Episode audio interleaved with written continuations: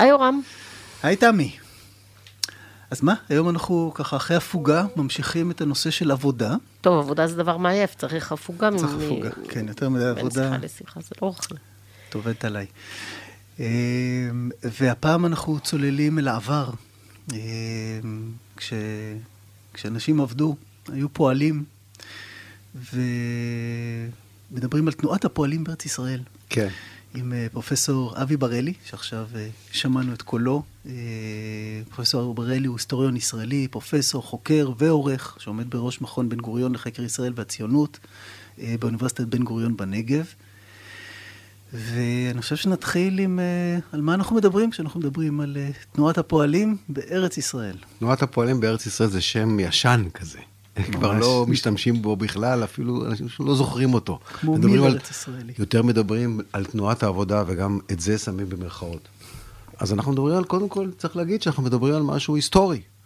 על uh, משהו שהיה, במידה רבה, uh, יש לו הרבה מאוד משקע בחברה שלנו, הוא השפיע מאוד על החברה הישראלית עד היום, אבל אנחנו מדברים על משהו שהיה ואיננו עוד במידה רבה. איך, איך יכול להיות ש, שאיננו עוד? זאת אומרת, אנשים עובדים היום, נכון? אנחנו מדברים על תנועת פועלים, קודם כל. אנשים תמיד עובדים, ויש איזו הבחנה שהשתרשה בשפה העברית בין פועל לעובד. שמתם לב, אנשים לא רוצים להיות פועלים, הם רוצים להיות עובדים. כולנו עובדים, אולי אקדמאים לא עובדים, תמי, אני לא יודע. אבל אה, אנשים עובדים, כל מיני עבודות, אבל יש פועל, זה... תביא פועל, זה, זה מישהו שיעבוד עם היד, עבודת כפיים, מה שנקרא עבודת כפיים. מי שעובד עם הגוף הרבה פעמים, נכון? נכון. מזכיר את כוח השרירים לא, שלו. נכון, לה... נכון, נכון. זאת אומרת, זה סתם, זה, זה הרי תפס אה, מיקומים כאלה בשפה העברית סתם, פועל ועובד זה... אבל ככה אנחנו משתמשים. אז כשמדברים על תנועת הפועלים, מדברים על התקופה ש... בתוך המהפכה הציונית, בתוך תנועת ההתיישבות, העלייה וההתיישבות של יהודים לארץ ישראל, הייתה חזרה לחיי עבודה. עכשיו, כשאומרים חזרה לחיי עבודה, אין הדבר אומר שיהודים לא עבדו במקומות, בארצותיהם, זה פשוט uh, סתם uh, סטריאוטיפ לא נכון. מדובר על כך שיהודים יאכלסו את כל סוגי העבודות, לרבות עבודות הכפיים, לרבות עבודות החקלאות, לעומת אה, ארצות מוצאם שמחוץ לארץ ישראל, שבהם הם לא עבדו במקומות האלה. זה, לכן אנחנו מדברים על תנועת הפועלים. אנחנו מדברים על, תנוע, על, חז, בין היד, על אגף מסוים, רדיקלי, בתנועה הציונית, החל מראשית המאה ה-20, של אנשים שחשבו שבמסגרת תהליך בינוי האומה, שמחולל את הציונות, צריך לאכלס את כל שדרות החברה והכלכלה האפשריים כדי להקים חברה יהודית כהלכתה, כממשית, לא איזשהו חלק של חברה, אלא חברה, אלא קבוצה שנושאת בכל התפקידים שמאפיינים חברה אנושית, ולכן הם לקחו על עצמם להיות פועלים. זה, מצ... זה צד אחד. צד שני, זה שפועלים במסגרת העלייה של יהודים לארץ, אנחנו מדברים על פועלים במובן של אלה שמגיעים לכאן בלי, פשוט בלי הון. כלומר, אנשים שלא, אין להם אפשרות לקנות קרקע, אין להם, או אין להם רצון לקנות קרקע, זה, יש פה איזו שאלה בין אפשרות לרצון, והם עובדים, מצטרפים לת, ל, ליישוב היהודי הקטנטן שהיה קיים כאן בראשית המאה, אחרי אה, כמה עשורים של העלייה הראשונה, שמתחילה עוד אה, בסוף המאה ה-19, כ... פועלים במובן המעמדי, או יותר נכון במובן הכלכלי-חברתי הפשוט של העניין. זה אנשים שאין להם קרקע, אין להם הון אחר, והם לא סוחרים, הם באים, כמו שאמרת, תמר, למכור את כוח העבודה שלהם. אז יש כאן שני, שני היבטים, יש פה היבט של אנשים שמבקשים להיות לפועלים, שזה דבר ייחודי לנו, אפילו לחברה שלנו, לשורשים שלה. לעומת חבר... שורשים של חברות אחרות, וזה גם דבר ייחודי ל... בקרב תנועות פועלים אחרות. אתה לא מוצא תופעות כאלה של אנשים שמבקשים להיות פועלים. יש, יש איזה מקבילות קטנות בתנועת הפועלים הרוסית, שאנשים שהלכו לחיי עבודה או במקומות אחרים, אבל זה לא בכלל באותו היקף ובאותה חשיבות. זה צד אחד, ויש צד אחר, פשוט רגיל, אה, שכמו בכל מקום, אותם האנשים שאין להם הון, והם uh, פועלים בשוק העבודה כאנשים שכמו שאמרת, מוכרים את שריריהם. איפה הם בעצם עבדו? לא הייתה תעשייה במדינת ישראל, לא מדינת ישראל, בחברה הארץ-ישראלית אה, דאז, אה, ואנחנו יודעים שתנועת הפועלים האירופית קמה.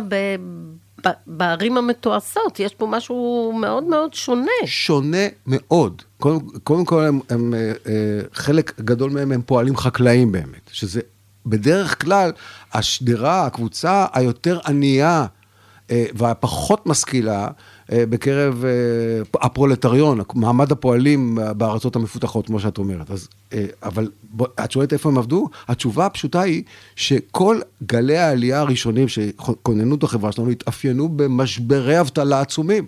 כל פעם שהיה זרימה של אנשים, הם נתקלו בחוסר עבודה. העלייה השנייה, שזאת העלייה של ראשית המאה ה-20, שנים הראשונות של המאה ה-20 ואילך, עד מלחמת העולם הראשונה, זאת עלייה שנאבקת בכלל על היכולת לעבוד. זה מה שאנחנו קוראים בז'רגון הציוני, המאבק על uh, עבודה עברית. מה זה עבודה? מה, זה לא... הם, הם נאבקו אל מול פועלים ערבים על היכולת שלהם לעבוד ב, ולקיים את עצמם באופן שמאפשר, שמאפשר חיים בחברה היהודית החדשה. והם הצליחו?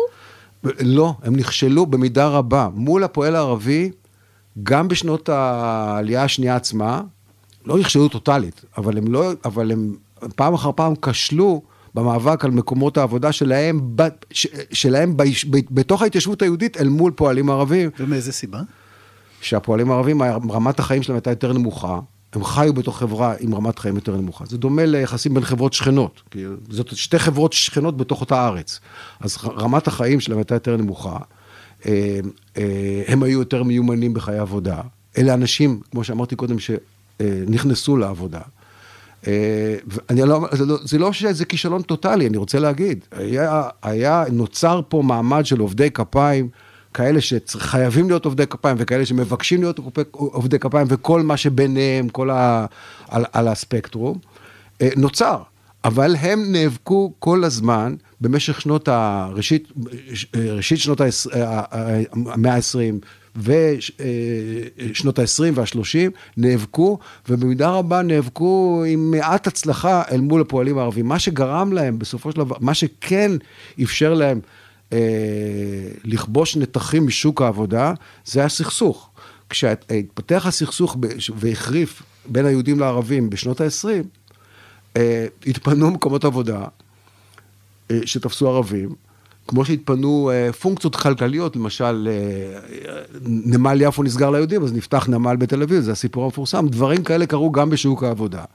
וזאת אחת, כשאנחנו מסתכלים על החברה היהודית בשנות ה-40, לעומת החברה הערבית, אנחנו רואים מה שקורא אחד ההיסטוריונים, יעקב מצר קורא לזה חברה מחולקת, כלכלה, כלכלה וחברה מחולקות. יש כלכלה יהודית וכלכלה ערבית, והכלכלה היהודית, יש בה במידה רבה מעמד של פועלים ועובדי כפיים, אה, שהיא מעין מקיימת את עצמה.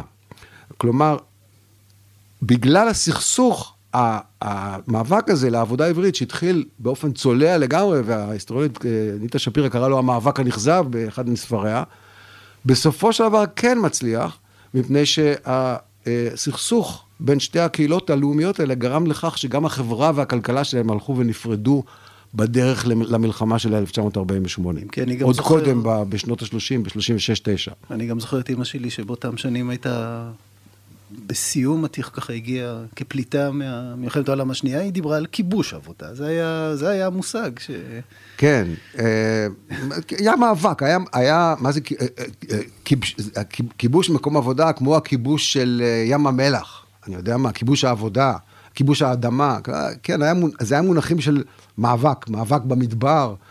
אה, אז גם מאבק באמת, אל מול הפועלים הערבים, שהם היו מתחרים שלהם בשוק העבודה. כלומר, מה שהם אמרו, האנשים האלה, אם לא יהיה עבודה, עבודת כפיים לעולים יהודים מהארץ, לא יגיעו, כי לא היה להם לאן להגיע.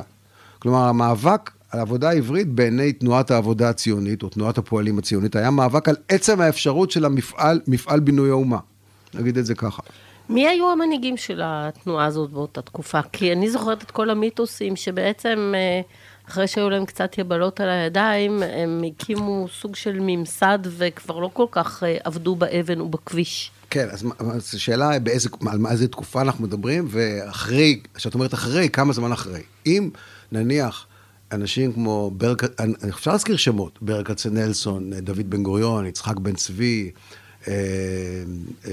שפרינצק, אה, אנשים כאלה, אני לא מזכיר את כל האנשים שאפשר, יופה, לא רק אנשים מפורסמים, יש גם אנשים שהיו חשובים ולא מפורסמים. אנשים כאלה, אם הם הקדישו עשור מהחיים שלהם לעבודת כפיים, או חמש שנים מהחיים שלהם לעבודת כפיים, נגיד בן גוריון מ-1906, שהוא מגיע לארץ, עד 1910, כשהוא, כשהוא נעשה חבר במערכת האחדות. עוד הכל לפני מלחמת העולם הראשונה. אז הוא ארבע שנים, זה יותר זמן משירות צבאי ויותר זמן משירות לאומי של אנשים, זה ארבע שנים שהוא עבד כפועל חקלאי בפתח תקווה ובסג'רה, זה לא מעט. עכשיו אנחנו, זה, זה מעט אולי לפ, לעומת האידיאלים של עכשיו לעבור רק לחיי עבודה. אבל הרי תנועת הפועלים לא הייתה יכולה, בשום מקום תנועת פועלים לא יכולה בלי הנהגה. אבל גם בשום מקום ההנהגה, ש, ש, אתה לא מוצא תופעה שההנהגה של תנועות הפועלים אה, בילתה שנים לא מעטות, אצל בן גוריון ארבע, אבל יש כאלה שיותר. אני יכול להזכיר פה אנשים, אם אתם רוצים, שלמה לביא מעין חרוד, אבל אה, אה, אין, אין מצב שבתנועת הפועלים הצרפתית אתה יכול למצוא את ההנהגה שלה עובדת עשר שנים בכפר הצרפתי. זה לא, בכלל לא בעולם האפשרויות. אז את שמה לב, השאלה שאת שואלת, זו שאלה שהיא באה מתוך האתוס של תנועת העבודה. ואומרים, אה, האנשים האלה עזבו, אה, טבנקין היה בתל אביב יותר זמן ממעין חרוד. אבל הם, הם, הם, הם, הם מכילים פה את הסטנדרטים המאוד גבוהים, האתיים, החברתיים המאוד גבוהים של תנועת העבודה, ומכילים אותם על ההנהגה שלהם עם איזה קריצת עין צינית, שגורמת להם בעצם לא להבין מה יש כאן, יש כאן תופעה מופלאה. באמת, אני לא חושב שיש מקבילות לעוצמה של ה... לקשר של בין ההנהגה לבין החיים של, של הפועלים בתנועת הפועלים הארץ ישראלית דווקא. המרחק הוא קטן לעומת, ואני לא בזה מכחיש, למשל, התקופ, שבתקופות של אבטלה, הרי אמרתי קודם, כל עלייה הייתה, הייתה מלווה בגל של אבטלה. בעלייה הראשונה, אולי לא מספיק נכנסתי לזה, עלייה, עלייה שנייה, זאת של ראשית המאה ה-20, קצת קשה לדבר על אבטלה, עוד לא מדדו אבטלה, אבל מהעלייה השליש, השלישית, יש יש עלייה שלישית, יש משבר העלייה השלישית ב-1921. יש, יש עלייה רביעית, בשנות, בהמשך שנות ה-20, יש משבר העלייה הרביעית, 1926. יש העלייה החמישית, שהיא העלייה ההמונית שכוננה בעצם את החברה פה, שהלכה אחר כך, יכלה לעמוד במלחמה ב-48, העלייה החמישית של מאירופה ומגרמניה ופולין. אז יש משבר אולי החמור ביותר בתולדות החברה הישראלית ב-1938. היא מתחילה בתחילת שנות ה-30. זאת אומרת, כל עלייה... אה, והאמת היא שאפשר להמשיך את הגאון הזה גם לשנות החמישים, אם כי שם זה סיפור מעט נפרד, כי כבר זה אה, שלטון ריבוני. זאת אומרת, כל עלייה, פועלים, אה, מגיעה למשבר. עכשיו, המשבר שהזכרתי קודם, זה של 38, בהחלט היה כרוך בניכור בין ה... אני חוזר לשאלה של אחרת, אני לא שכחתי אותה. בהחלט היה כרוך בניכור בין ההנהגה לבין הפועלים. הפועלים שש... ש... והיה כרוך אפילו בפילוג במפא"י, שלא ניכנס עכשיו לפרטים שלו, זה, זה ממש למטיבי לכת אם ניכנס לפילוג של מפא"י ב... בסוף שנות ה-30, תחילת שנות ה-40, אבל הרקע לו, מה שחשוב זה הרקע שלו. הרקע לו היה שהפועלים בזמן האבטלה, וזה חשוב להבין על משהו על תנועת הפועלים הארץ-ישראלית. הפועלים בתל אביב ובמקומות אחרים בזמן האבטלה היו מה שנקרא מחלקים ימי עבודה. אתם יודעים מה, מה המשמעות? זאת אומרת שהיה מעט עבודה בענף הבניין, שהיה ענף חשוב מאוד במשק היהודי אז, כי הייתה עלייה, זה שנות העלייה. אז היו, אז היה מעט עבודה, זה לא שהיו כאלה שהיה להם עבודה וכאלה שלא היה להם עבודה, הם חילקו, הם עבדו חלק מהשבוע. וואו. חלק מהשבוע הוא עבד, חלק מהשבוע החבר שלו עבד. ואל יהיה הדבר קל בעינינו.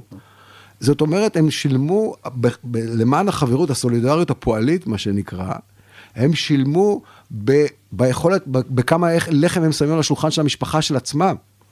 וזה לעומת ההנהגה של ההסתדרות, כבר הייתה הסתדרות, הייתה כבר, אה, היו כבר איגודים מקצועיים ותנועות חברתיות, בהנהגה הם לא כל כך הפקידים, אה, גולדה מאיר וזאב וזלמן הרען נניח, או מרדכי נמיר, לא חילקו את ימי העבודה עם אחרים. כלומר, ההוויה החברתית השונה גרמה לפער, ולשאלות מה, מה, מהסוג ששאלת אותי, אבל אנחנו צריכים לראות, אבל ביודענו את זה, צריך גם לראות שמדובר פה על, על הפועלים סולידריים ביותר ביניהם, כמו שאמרתי קודם. ומדובר פה בכלל על פועלים שתופסים את, הם, הם, הם מתנגשים עם המנגנון, למה הם מתנגשים ככה עם המנגנון? כי הם, הם אומרים, אנחנו הבעלי בית, זו תנועה שלנו בכלל, זה לא שלכם. אז אנחנו תנועת פועלים, כלומר היה מתח מובנה, דווקא מפני שתנועת הפועלים הציונית, או תנועת העבודה הארץ ישראלית, יש לה הרבה שמות. הייתה בעיניי מאוד רדיקלית, גם מבחינה חברתית וגם מבחינה לאומית. דווקא בגלל זה הם, היו, הם תפסו את עצמם כבעלי בית, זה שלנו בכלל. והיה להם, והיה להם ביקורת חריפה, הרבה יותר ממה שאנחנו מוצאים בתנועות פועלים אחרות, כלפי ההנהגה שלהם. אז בואו בוא נסבך את זה עוד קצת. איך, איך כל זה משתלב עם התנועה הקיבוצית? כי, כי זה בעצם מין אידאל סוציאליסטי של... של... של ב... חלוקה, של שוויון. ב... אני נתתי לך בעצם את הרקע הרדיקלי להסבר איך זה שבתנועת העבודה או בתנועת הפועלים הציונית מתפתחת תנועה קומונלית כזאת כמו התנועה הקיבוצית, שלא קיימת בשום מקום אחר בעולם. יש תנועות סינדיקליסטיות בחצי האיברי. נכון, אנחנו זוכרים את זה כן. ככה, אבל אין לה להשוות במש... בחשיבות והמשמעות שלה לזאת שבארץ. למה זה קורה? מפני שתנועת הפועלים הציונית היא גם רדיקלית מאוד מבחינה סוציאליסטית. הרבה יותר, אתה יכול גם למצוא באוסטריה גם אה, אה, תנועות קואופרטיביות חשובות בווי, באזור של וינה, וינה המתקוממת, וינה האדומה, אבל אני לא חושב שהם מגיעים בכלל לסדר הגודל של מה שאנחנו מכירים, לא ב... לא בתנועה הקיבוצית, לא בתנועה המושבית, שזה גם כן תנועה קואופרטיבית אה, מפוארת ביותר, וגם לא בשכונות הפועלים אה, של קריית חיים, אה, חולון וגבעתיים ושכונת בורחוב, בתור אילוסטרציות רק. גם תנועת העבודה העירונית היא תנועה שיש בה יסודות שיתופיים לא קטנים. אני הזכרתי את הפועלים שמחלקים ימי עבודה למשל, זה קורה בשכונות, בתנועת העבודה העירונית, שהיא נשכחת, זוכרים כולם את הקיבוצים והמושבים. והשאלה היא באמת, אתה צריך לשאול באמת, מה המקור הרדיקלי, אני חושב שאחת השאלות שצריכות לעניין אותנו היום, כשאנחנו יודעים את הדברים האלה, זה מה מקור הרדיקליות הזאת. איך זה באמת מתחבר לאדה גורדון ודת העבודה בהקשר הזה? אדה גורדון הוא, הוא אה, אדה גורדון זה אדם שלא רצה להכריז, לא היה מוכן, הוא היה סוציאליסט ש, שלא קורא לעצמו סוציאליסט, אפילו היה לו התבטאויות אנטי, אנטי, אה, שמנוגד, שתוקפות את המסורת הסוציאליסטית. אה, אדה גורדון אה, זה, זה דמות אידיאולוגית שמדגישה מאוד את המעבר לחיי עבודה שדיברתי עליו קודם. אבל הוא גם, אה, הוא חי בתור מבוגר, בתוך קבוצות פועלים קומונליות וקואופרטיביות כל הזמן, זאת אומרת, אה, הוא, זה, זה הוגה דעות רדיקלי פעמיים, פעם אחת בדעות עצמם שלו, ו, ו, ופעם שנייה בחיים שלו. כלומר, אתם מוצאים פה רדיקליזם מכל הכיוונים. אה, והשאלה היא מאיפה הוא בא, מה מקורו, איך מסבירים אותו הסבר היסטורי, זאת שאלה כבדה מאוד. אה, אני חושב שההתחלה של התשובה, הרי לא ניכנס פה לכל העומק של השאלה הזאת, אבל אני חושב שההתחלה של תשובה צריכה להינתן דווקא בשילוב בין לאומיות לסוציאליזם. דווקא בין ציונות, בין תנועת שחרור לאומית לבין תנועת שחרור חברתית. זה לא רק תנועת שחרור של הצ'כים מהשלטון, ה, כמו של הצ'כים מהשלטון האוסטרו-הונגרי, כלומר, משהו לשנות את המבנה הפוליטי של המדינה, אלא זה תנועה מהפכנית, התנועה הציונית כולה, לא רק תנועת העבודה בתוכה. תנועת הבינוי האומה הקרויה התנועה הציונית, זו תנועה לבינוי אומה מהמסד והטפחות, במעבר ליבשת אחרת, בבניית כל החברה, כל שדרות התרבות, השפה, המערכות החברתיות-כלכליות, מיסודן. הייתי מגדיר את תנועת הפועלים כאותו אגף בתנועה הציונית, המהפכנית הזאת, שהיא בעצמה מהפכנית, שלוקח על עצמו בהתחלה תפקיד לכונן, לבנות מעמד פועלים יהודי, לבנות פעם, לא לבוא ולארגן אותו כמו באנגליה, ולשחרר אותו, אלא קודם כל לבנות אותו ותוך כדי בנייה לשחרר אותו, וזה הרבה יותר רדיקלי. הסיטו... אני, אני חותר להגיד שהסיטואציה ההיסטורית ש, ש, שהתנועה הציונית מתאפשרת בתוכה היא רדיקלית מלכתחילה. זה לא איזה משהו DNA, מחפשים את זה בקהילה היהודית וכולי. המפעל שנטלה על עצמה התנועה הציונית היה כל כך רדיקלי, שאותו אגף רדיקלי. אני מצטער שאני חוזר כל פעם באותה מילה, לאותה מילה, רד, קיצוני אם אתם רוצים להשתמש בעברית. בתוך התנועה הציונית, שהיה גם רדיקלי בשינו, לגבי השינויים החברתיים, יצר את, בתוכה את תנועת העבודה. כלומר, אנחנו... אנחנו אה, אה, צריכים ללמוד את ה... למצוא את השורשים ההיסטוריים לרדיקליזם החברתי של תנועת העבודה ברדיקליות של המפעל הציוני. אם נגיד לכם את זה ככה ב... בהיגד סיסמאתי קצת, אבל אני חושב שהוא מכוון למשהו שהוא מצריך דיון עמוק ו... ואפשר לקיים אותו. אני חושבת שיש פה איזו טרגדיה היסטורית שבסופו של דבר, בין קוף השנים, התנועה הזאת הפכה להיות לאיזה דימוי של שיא הממסדיות ושיא ה... אה, במובנים מסוימים אפילו דכאנות של קבוצות אחרות, זאת אומרת, משהו פה קרה, מקבוצה שבאמת קראה תיגר על כל כך הרבה דברים, תוך מעט שנים יחסית. מעט שנים. הפכה להיות משהו שנתפס כ...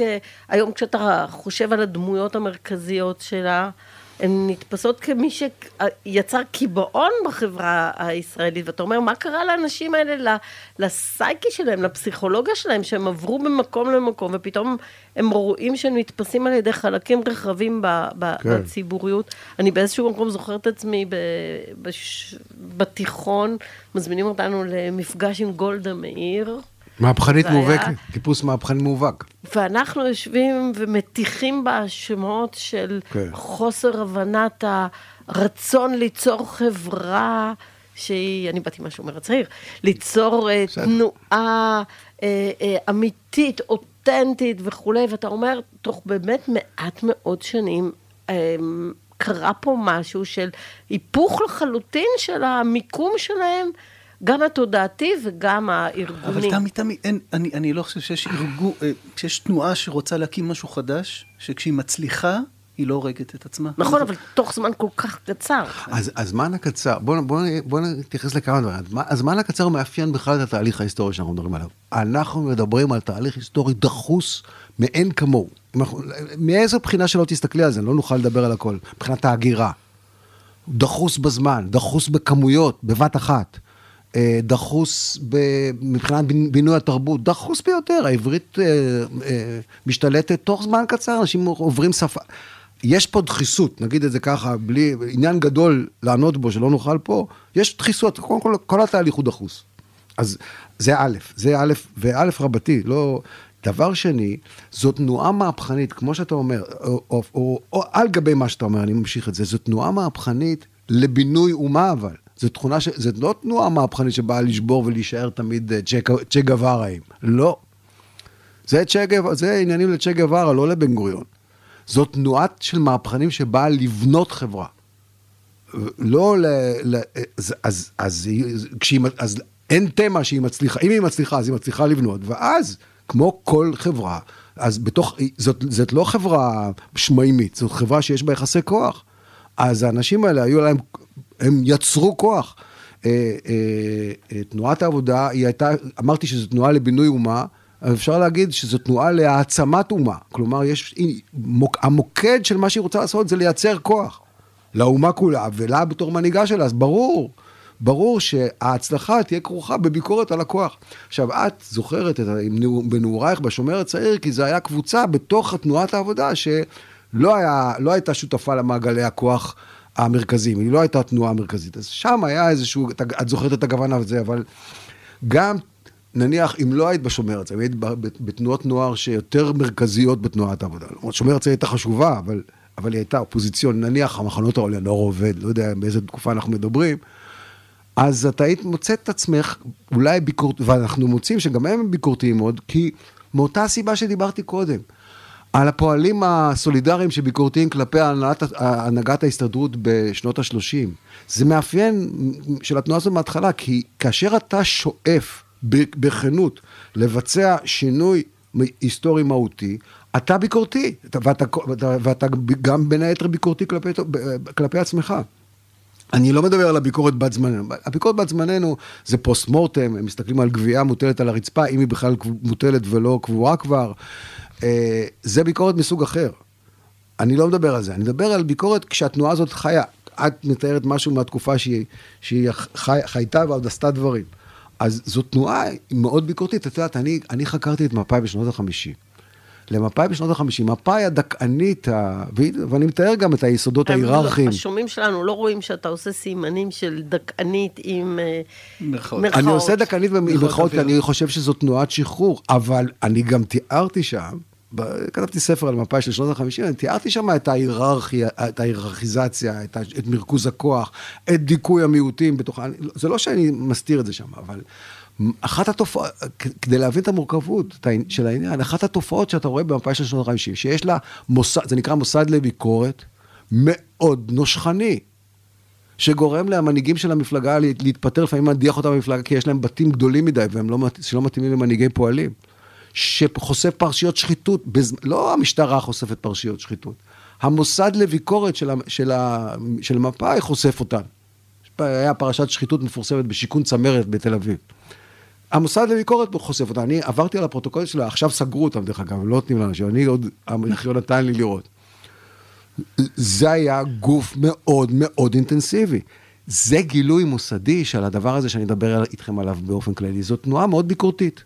בניגוד לדימוי שלה, היא תנועה מאוד ביקורתית. היא, היא מחוללת כוח, היא ממרכזת כוח, היא גם אה, מד, אה, אה, אה, ממשטרת את החברה שלה. אה, ומתווכחת על השאלה עד כמה למשטר ועד כמה, לא, אנחנו לא נכנסנו לזה כאן, יש לה אה, תפיסות ליברט, ליברטריאניות חזקות לצד תפיסות היררכיות חזקות בתוכה. יש פה אה, סתירות, לא, הדברים הם לא אה, חדים וחלקים, אבל היסוד הביקורתי וה, אה, והמשחרר שיש בתנועה, שהיה, שהיה בתנועה הזאת, היום כשאנחנו מסתכלים לאחור, נשכח מעיני האנשים. אני חושב שזה אחד התפקידים שלי בתור היסטוריון, זה להראות להם, תראו, אתם מדברים פה על תופעה הרבה יותר מעניינת ממה, מה, מהקריקטורה שכתבנים בעיתונים עושים ממפא"י. הם לא מבינים, ומפא"י הייתה התנועה המרכזית בתנועת העבודה. אז אני, אני רוצה לקחת את הקריקטורה הזו לעוד כן. כיוון של, של ימינו, שאותי, שקרובה לליבי בתור מי שחוקר חדשנות ויזמות. כן. אה, תמיד שואלים, מה מקור ה Start-up Nation? מה מקור האנרגיות האלה? ומה שאתה מתאר, אני מכיר את התופעה הזו ביזמות, בארגונים נכון. שבאים, או יזמים בודדים שבאים ומשבשים סקטור שלם, לא רק בישראל כמובן, אבל כל התחום הזה. נכון. תנועה. ציונית זה, זה, זה מערכת שיבוש אחת גדולה. כן, שיבוש. ואחרי זה, ואחרי זה כן. גם ההסתאבות, אחר כך מתחילים ב-do כן. no harm, ואנחנו הולכים להציל את העולם ולחלוק את המידע, ובסוף יש לנו את, ה, את האימפריות העצומות האלה של גוגל, כן. ואת המונופול, את אה, נכון מאוד. גוגל ופייסבוק נכון. ואמזון. אבל הם התחילו עם ה-fervor הזה, עם, עם נכון. האנרגיה נכון. הזאת של שינוי. נכון. וכן, ההצלחה של, ה, של היזמים האלו זה בדיוק הסוף של האידיאלים ש, ש, שהביאו אותם. אה, הסוף, נקודה פסיק, זה תמיד נקודה פסיק. מפני שאני חושב שהמהפכנות הזאת של תנועת העבודה ישנה בחברה הישראלית, והיא אחד המקורות של מה שאתה מדבר עליו עכשיו, נכון? וצריך